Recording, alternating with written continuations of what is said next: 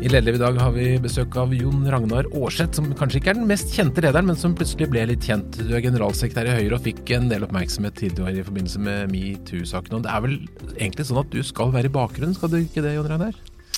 Jo, det er noe slik det er i, i Høyre, hvor med det å være generalsekretær, da er du administrativt ansatt, du er ikke valgt av et landsmøte og slike ting. Og det det er først og fremst eh, organisasjon jeg skal jobbe med, og ikke fronte politiske saker.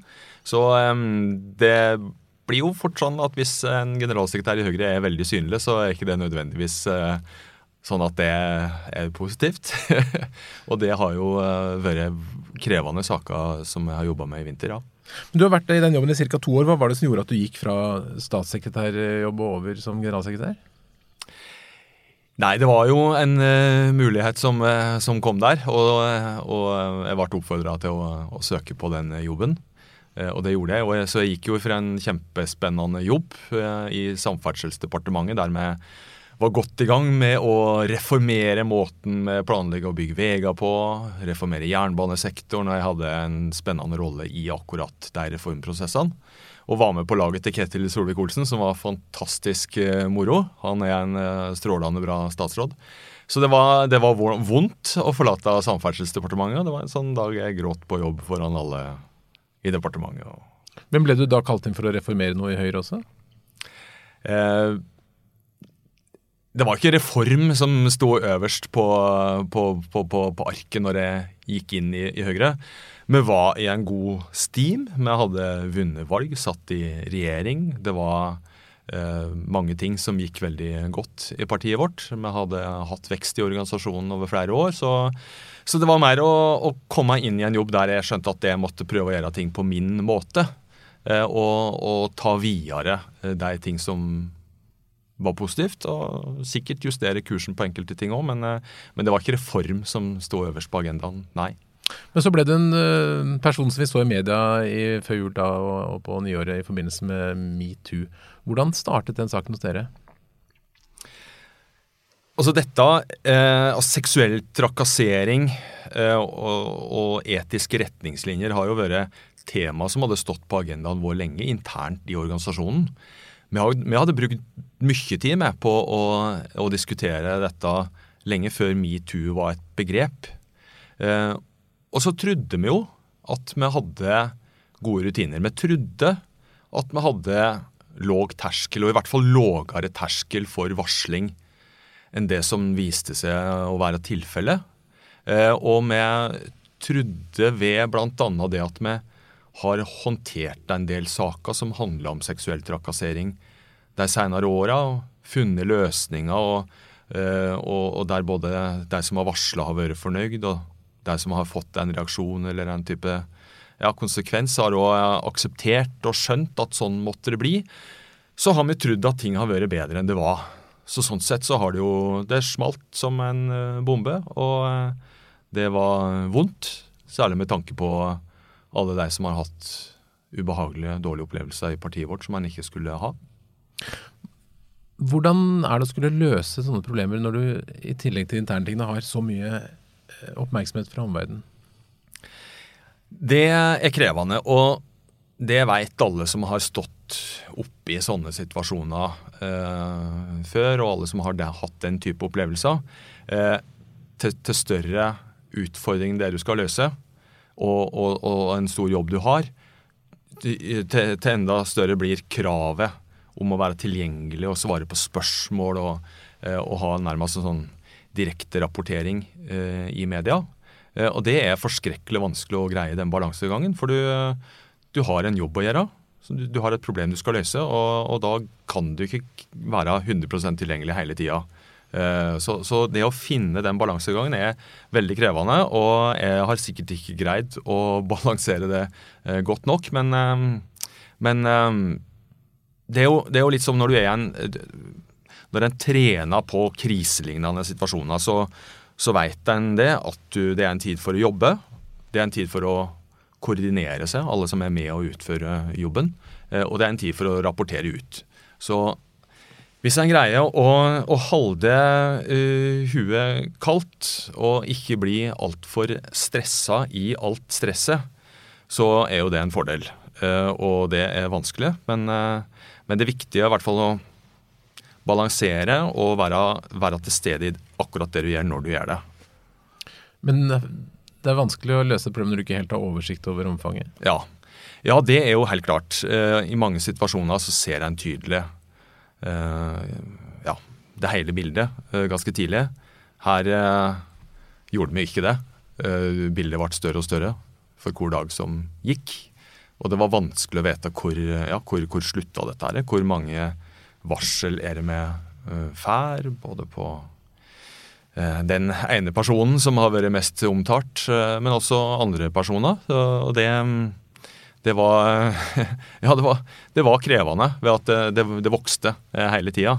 Så, så, avtok det jo heldigvis på et punkt og, og, og roa seg ned. Men, men, det var en periode der det var Det virka som en Du hadde bare en flom som kom over deg, og som ble sterkere. Hvordan tenkte dere når den flommen kom? Hvordan Hadde dere en strategi for hvordan dere ville jobbe? Um, strategi Jeg veit ikke. Uh, først og fremst eh, en eh, metodikk og noen verktøy og en måte å tenke på som var viktig. Eh, og det er jo her trening er viktig. Det å ha, du, du har jo aldri du har jo aldri trent på den, den ekstremsituasjonen som kommer. Eh, sånn, det er jo det som gjør saka krevende, at du har ikke trent på akkurat dette, men du har kanskje trent på noe som ligner.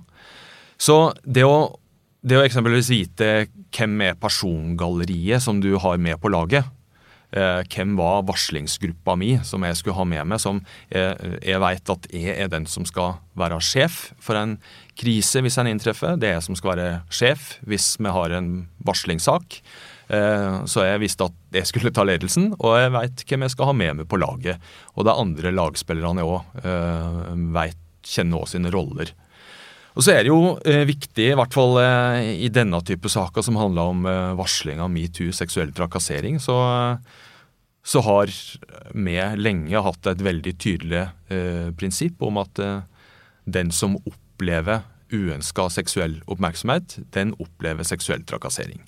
Så det å ha et så tydelig prinsipp i bånn, det, det, det, er på en måte en kompassnål som gir en veldig tydelig retning. Så sånn sett så var det eh, å ta vare på varslerne, lytte til deg, eh, bygge et tillitsforhold eh, mellom deg eh, til eh, og, og, sørge for å gi deg den beste oppfølginga vi kunne by på. Det var det aller viktigste vi gjorde eh, i den tidlige fasen. Du sa du hadde et, et slags uh, setup eller en plan for hvordan det skulle håndteres, men opplevde du at andre interessenter også meldte seg på? Um, ikke, ikke, i vår egen organisasjon. Uh, og det er fordi at uh, jeg tror vi har gjort det ganske godt kjent uh, i organisasjonen. En veit hvem som skal jobbe med denne type saker når det inntreffer. og sånn at vi fikk, vi fikk jobbe med, med, vårt, og var også tydelige på at de andre i organisasjonen måtte ta ansvar for den daglige drifta, det daglige arbeidet og politiske sakene og det øvrige organisasjonsarbeidet, som jo er det vi primært driver med. Så det å, det å bare få avgrensa at det er noen få av oss som skulle jobbe med dette, og alle de andre skulle drive med det med sitt daglige arbeid, eh, det var, det var avgjørende. At jeg har en assisterende generalsekretær som jeg kan si at du, nå er det du som, er det du som styrer huset her. Nå, det, nå, må du ta ansvar for alt annet mens jeg jobber med dette. Eh, det, det er sånne enkle og helt avgjørende ting for å både få ivaretatt varslerne og den jobben jeg skal gjøre, og at resten av organisasjonen opplever å bli tatt eh, vare på. Men klarer du å forhindre at eh, det påvirker resten av organisasjonen? Nei, og det er jo heller ikke sånn at det ikke skal påvirke, for all del. Eh, organisasjon, hele organisasjonen vår blir sterkt påvirka når det inntreffer noe som er så eh, alvorlig. Men det er Eh, det er veldig viktig når det oppstår sånne ekstreme situasjoner, eh, uavhengig av om det er seksuell trakassering eller helt andre typer saker, så er det, det er viktig at ikke alle springer eh, til problemet og skal være med på det, men at en, at en vet at ålreit, dette har vi rutiner for. Det er de folka som skal jobbe med det, og så gjør vi andre jobben vår, og så bidrar med hvis vi blir spurt. Mm. Så um, Hvor mange har dere vært som har jobbet med det? Fem personer. I, i det nasjonale Altså ja, det, det, det, laget som vi har nasjonalt, sentralt i partiet, så er det det. Men uh, når en så kommer til um, det å skulle håndtere, gå inn i og jobbe med hver enkelt sak, så, så involverer vi jo den, den, nærmeste lokale leieren da, til, den, til der, der, der, dette har skjedd. Hvis det er en lokal tillitsvart som uh, har et varsel mot seg, altså altså er det en lokal leier ikke sant, som, som blir kobla inn i arbeidet. Føler du deg trygg på at du har oversikt nå, at det ikke er flere saker? Nei, det kan jeg ikke kjenne meg trygg på. Det Sjøl om vi har gjort veldig mye opp så godt vi kan for å bygge ned terskelen for å ta kontakt med USI Høyre dersom man har eh, opplevd noe som ikke er bra, og har opplevd seksuell trakassering, så, eh, så har jeg skjønt at det vil alltid være en terskel for eh, folk å, å si ifra om, om, denne type saker. Så Men jeg håper jo sjølsagt at, at vi har fått kjennskap til alt nå. Og at det ikke sitter at personer der ute som, som brenner inne med eh, saker og opplevelser som en burde eh, ta opp med oss. Tror du dette har påvirket folks oppfatning av Høyre? Det har det helt sikkert. For det har jo vært et tema et saksfelt som har, som har vært i media og som har vært i offentligheten og bevisstheten til folk over en lengre periode. Eh, så det har det helt sikkert. Det er kanskje en fordel nærmest at det ikke har vært bare dere? Ja, jeg har, eh, jeg har ikke eh, gjort meg noen tanker om hvordan vi, eh, liksom, framstår i, til sammenligning med andre. Eh, det er, eh, og det, det, det, er helt reelt. Jeg har hatt mer enn nok med å bruke alle kreftene på våre saker, våre personer, våre varslere, eh, og ivareta mine folk, for å si det sånn. Eh, så det å, å gjøre liksom, analyser av VUS sammenligna med andre, det har ikke, det har ikke gjort. Dette er en problemstilling som åpenbart finnes eh, nærmest alle steder. Hvilke mm. erfaringer har du gjort deg som kan være til nytte for andre som opplever en tilsvarende situasjon? Ja, jeg er helt sikker på at det er mange av oss som kan lære mye av hverandre etter dette. Eh, vi var egentlig godt i gang, eh, partisekretærene i de ulike partiene. Vi hadde en fin samling eh, før, før, jul, der vi begynte å snakke om erfaringene våre med å jobbe med denne type spørsmål. Og, og så fram til å fortsette å jobbe mer og utveksle erfaringer på godt og vondt videre på nyåret. Men så fikk vi ikke tid til det mer da. Men jeg håper at vi kan Eh, ta opp at det arbeidet snart. Men for en bedriftsleder som f.eks. opplever da beskyldninger mot en medarbeider, hva, hva, skal man gjøre? Ja, Det er i hvert fall viktig at uh, alle organisasjoner, uh, bedrifter, om det er frivillighet eller offentlig sektor, at den, at den har, at den har retningslinjer og regelverk og har tenkt igjennom alle eh, dilemmaene som du må håndtere i en sånn sak. Du har ikke, når, når, når, du først, når, du først, har utfordringa på bordet, da har du ikke tid til å begynne å gjennomdrøfte om, om skal du legge mest vekt på det ene eller det andre. Alt det må du ha tenkt igjennom på forhånd, sånn at, eh, sånn at du kan, eh, kan, gjøre jobben.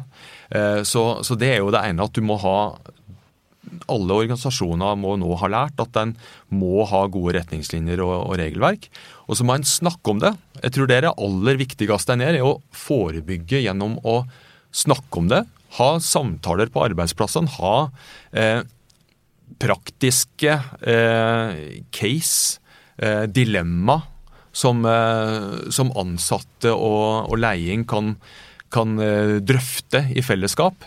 Sånn at en har trent eh, huene sine på, på, på hva som er det rette å gjøre eh, dersom en eh, får reelle saker. Var det noe som har overrasket deg, noen ting du ikke hadde tenkt på eller planlagt? Andre sider som du ikke så på forhånd? Ja, sjøl om vi har jobba mye med det temaet her før, før alt dette her inntraff, så, så er det mange overraskelser, på godt og vondt, egentlig. Um, både at personer som eh, har oppført seg dårlig og som har gjort ting de ikke skulle ha gjort, eh, innser det og uttrykker at, at den er glad for å bli konfrontert. For at den kanskje ikke har greid å ta tak i det på egen hånd. Si unnskyld. Eh, uh, erkjenne overfor kollegaer og, og den en har, har gjort noe galt mot. ja, at den, og, og, at den får hjelp til å komme, faktisk da, komme, komme, inn i en sånn prosess. Det har overraska meg eh, positivt, da, eh, på et vis. Eh, og så er det jo eh, overraskelser både positivt og negativt. Hvordan folk, hvordan folk tar det å bli, bli, konfrontert med å ha gjort noe galt. Mm. Er det noen spesielle eh, gode råd du kan gi til folk som skal konfrontere noen? Eh, jeg tror eh, det er det, er viktig å være forberedt og ta En må ta dette her veldig alvorlig. Altså, du møter når du, når du, skal jobbe med denne type spørsmål som blir veldig personlig og veldig intimt Du møter folk på, på sitt aller mest sårbare, både varslere og de som er omvarsla. Så må en ha respekt for det. Eh, ta seg, ta seg god tid og, eh, og, lytte og være ydmyk for den situasjonen du står i. Eh, og skjønne at dette er vanskelig både for den som har opplevd ubehag, og den som har gjort noe galt. Og så prøver vi å ha som, som utgangspunkt at vi skal finne løsninger der, der den som har varsla, opplever å ha blitt tatt på alvor, opplever at saken får en konklusjon som gir godt i forhold til at ja, at en opplever en eller annen form for rettferdighet. At, at, at det skjer noen ting som er bra. Eh, så det er den ene sida. Og, og, også at den som har fått et varsel mot seg og får en konsekvens, skal òg føle at ålreit, det var en fair prosess, og jeg kan akseptere reaksjonen og akseptere utfallet. Hvis vi, hvis vi lykkes med det, da, da tenker vi at da har vi da har vi gjort en jobb som er bra. Men Blir man ferdig med en sånn sak? Det har vært en, en nå som kommer opp igjen fra ti år tilbake i Frp, eller om det er mer? Ja, og det er vel også en ting som eh, jeg har lært. Eh, det er at det er en jobb som skal gjøres etter at du har konkludert. Etter at du har fulgt opp varsleren. Etter at du har blitt eh, enige om en konsekvens, at det får en reaksjon for noen, så må du sikre deg både at eh, det en ble enige om, blir fulgt opp. Det er. Eh, at, at, at, det skjer det som en ble enige om at skulle skje. Og så må en følge opp de personene, både varsleren og den som er omvarsla, og, og, ja, sikre seg at jeg har det, at jeg har det bra. Og at jeg opplever at det ble sånn som en ble enige om. Eh, en form for eh, ettervern, om du vil. Eh, og, ja, og sørge for å, å se til at, at, folk har det bra videre. Og se folk. Det, det er viktig. For det kan, det kan fort skje at saker som du trodde du på et vis var ferdig med, kommer tilbake. Fordi at noen opplever at det ble ikke helt sånn som du var enig om at det skulle bli. Mm. Du er jo en dreven kommunikasjonsmann, har jobbet i kommunikasjonsbyrå og mye kommunikasjonsansvar. Kommunikasjon rundt disse problemene, er det vanskelig å vite hvor man skal sette grensen? Hva man skal si og hva man ikke skal si? Ja. Og ehm, jeg har vært kjempenervøs i mange sammenhenger her. fordi at ehm, eh, du sitter med så mye informasjon som er fortrolig informasjon som du eh, Ja, du har samtaler eh, i fortrolighet med veldig mange personer.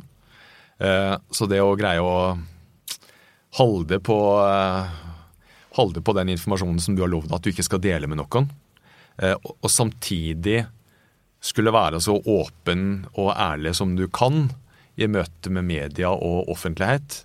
Det har gjort at jeg har vært eh, nervøs og redd i mange sammenhenger for om jeg Sa jeg for mye nå? Eh, avslørte jeg noe som egentlig skulle være mellom meg og en person som jeg lovde fortrolighet? Eh, og, og, særlig når du blir bombardert med spørsmål fra veldig mange pågående journalister som skal gjøre jobben sin, så, så er det krevende. Hvordan føltes det å stå i den stormen når du var på det verste? Nei, eh, I hele den prosessen her så har det vært viktig for meg å, å minne meg sjøl på at det, det, er ikke, det er ikke jeg som har det krevende. Eh, jeg gjør en jobb for personer som har det mye mer krevende eh, enn meg. Det er det som er utgangspunktet her. Og, og ikke miste det av syne at er, eh, jeg skal gjøre en jobb for å ivareta noen som har opplevd ubehag, opplevd noe som en ikke skal oppleve i, en organisasjon som vår. Og det Jeg tror hvis jeg Jeg har nok kjent på det at hvis jeg bare minner meg sjøl på det og har det godt nok med meg eh, i, i arbeidet også i kommunikasjon utad, så er det, så er det en sånn god, eh, god rettesnor å lede ja, godt kompass, om du vil. Uh, ja, men, men det, det, har vært veldig krevende. Du, du, må, du, du, kan, du, kan, du kan tenke når man planlegger mye kommunikasjon, og det, det skal en normalt gjøre, men, men, i de fleste situasjoner som jeg har stått i, så har jeg bare måttet handle på instinkt og satse på at, eh, at, eh, at det går bra. Hvordan syns du media har oppført seg i denne prosessen? Ja, når du står midt i det, så oppleves det jo brutalt. Men media gjør jobben sin. Og um, i, det, i, i, det, alt vesentlige så, så, så syns jeg at det har opp, opptrådt uh, realt. Uh, jeg tror, nok, jeg tror nok enkelte av våre unge tillitsvalgte, og våre yngste, ikke alltid har opplevd at media har vært like grei. Og jeg har sagt til enkelte journalister at det er bra at det setter søkelys på oss, og at det gjør jobben deres, og at vi får rydda opp i ting som ikke er bra i vår organisasjon. For eh, ungdom, unge folk, skal kjenne seg trygge Eh, ved å være med i Unge Høyre. Foreldre skal kunne eh, sende unge, ungene sine på, på, aktiviteter i ungdomspolitikken og tenke at dette er en bra aktivitet å være med på. Eh, og de skal være trygge for å ikke bli utsatt for seksuell trakassering og ikke bli skjenka fulle og osv. Men jeg ønsker heller ikke at unge folk skal skremmes bort fra politikken fordi at de får telefoner fra journalister midt på natta og og blir utsatt for eh, ganske tøffe intervjuteknikker, som, som også er skremmende. Eh, så, så, jeg tror også at media skal ta noen runder med seg sjøl, særlig med hvordan de behandler eh, ungdom som aldri har snakka med en journalist før. Vi som står i dette, vi kan tas hardt og vi kan tas tøft eh, og realt, men eh, men, men, ikke være tøffere med deg som er yngst og mest uerfaren. Hva med sosiale medier, gjør det jobben vanskeligere? Eh, både og. Sosiale medier er jo òg en mulighet for oss å kommunisere ut. Eh, og kommunisere med folk. Så eh, jeg tenker vel at det å håndtere eh, medier nå, sammenligna med for noen år tilbake, det er det at eh, det er, så, det er så mange aktører, eh, og det er så mange som skal levere stoff hele tida. Så det, det, er på en måte Det, aldri, det fins aldri en pause. Det er et jevnt og, og hardt påtrykk fra mange hele tida. Og det, ja, det, det gjør det krevende. Tror du at disse sakene både hos dere og de andre partiene har satt ungdomsarbeidet tilbake på noe måte? Blir det vanskeligere å få ungdom engasjert i politikk fremover? Nei, det tror jeg faktisk ikke, og det håper jeg sjølsagt ikke.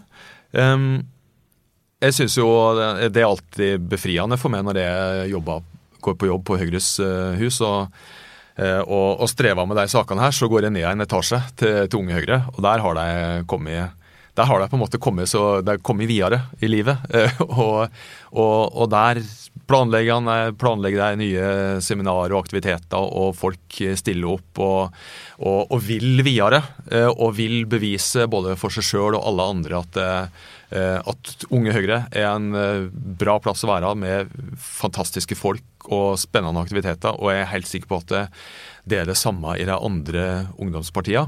altså Ungdomspartiene våre er på en måte det er en juvel i det norske demokratiet. Eh, og vi, kan eh, alle Alle må være glad i ungdomspartiene og ønske at alle ungdomspartier skal lykkes. Men har det forandret hvordan ungdomspartiene må jobbe? Ja, det har det eh, helt klart. Og det Det å, det å skulle eh, Altså organisasjonsarbeid, det å eh, jobbe med mennesker i sårbare situasjoner, eh, er jo krevende for, eh, for alle som jobber i frivilligheten. For det, det, er på en måte, Du skal være, være proff på alle mulige områder. Være, I dag så skal du være så proff i alt du gjør. Eh, organisasjonsarbeid, kommunikasjonsarbeid, eh, mennesker i sårbare situasjoner.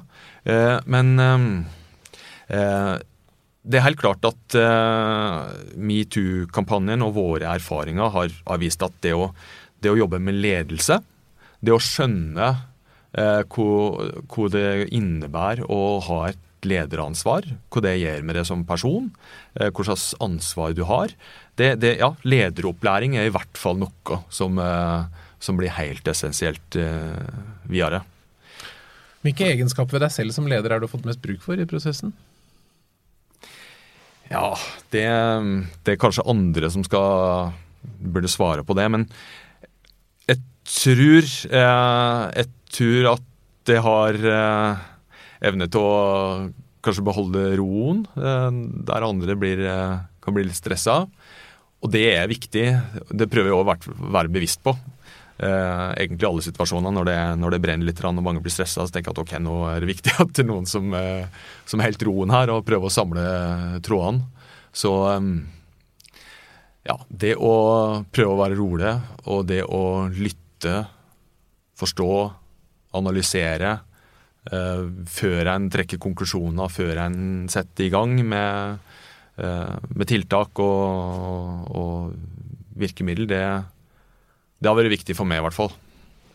Du sa du prøvde å, skille ut noen som jobbet med neste og noen som hadde drev daglig drift. Klarer dere å holde business as usual under en sånn eh, fase?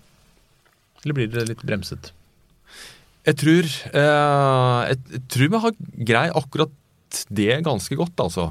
Eh, det har vært mer at, eh, at enkeltpersoner på ulike nivå i organisasjonen også har måttet bruke en del tid på dette. For hvis det var sånn at uh, du har en sak i din lokalforening eller i din fylkesforening, så, så må en håndtere den. Nå er jo dette, dette temaet, altså seksuell trakassering og metoo-kampanjen, er jo noe som alle bør bruke tid på og skal være bevisst på. Så det er jo ikke sånn at, at, at det bare er med fem i vår organisasjon som skulle jobbe med det. Men, men vi har òg fått vi har også fått drive, Partiet vårt og organisasjonen vår har også fått drive med det med skullegjera i vinter. Eh, de som, eh, de som forhandla regjeringsplattform på, på Jeløya, fikk gjort det. Og vi fikk eh, utvida regjeringa, og de som har sittet på Stortinget, har fått drive med sitt arbeid. Så, så i hovedsak så har vi fått gjort det vi skulle. Kommer det noe godt ut av en sånn runde for partiet? Eh, ja, jeg håper jo det. Jeg håper jo at vi har lært så mye nå at vi greier å unngå eh, å få eh, sånne saker for framtida. At vi har lært nok til at vi nå kan forebygge på en sånn måte.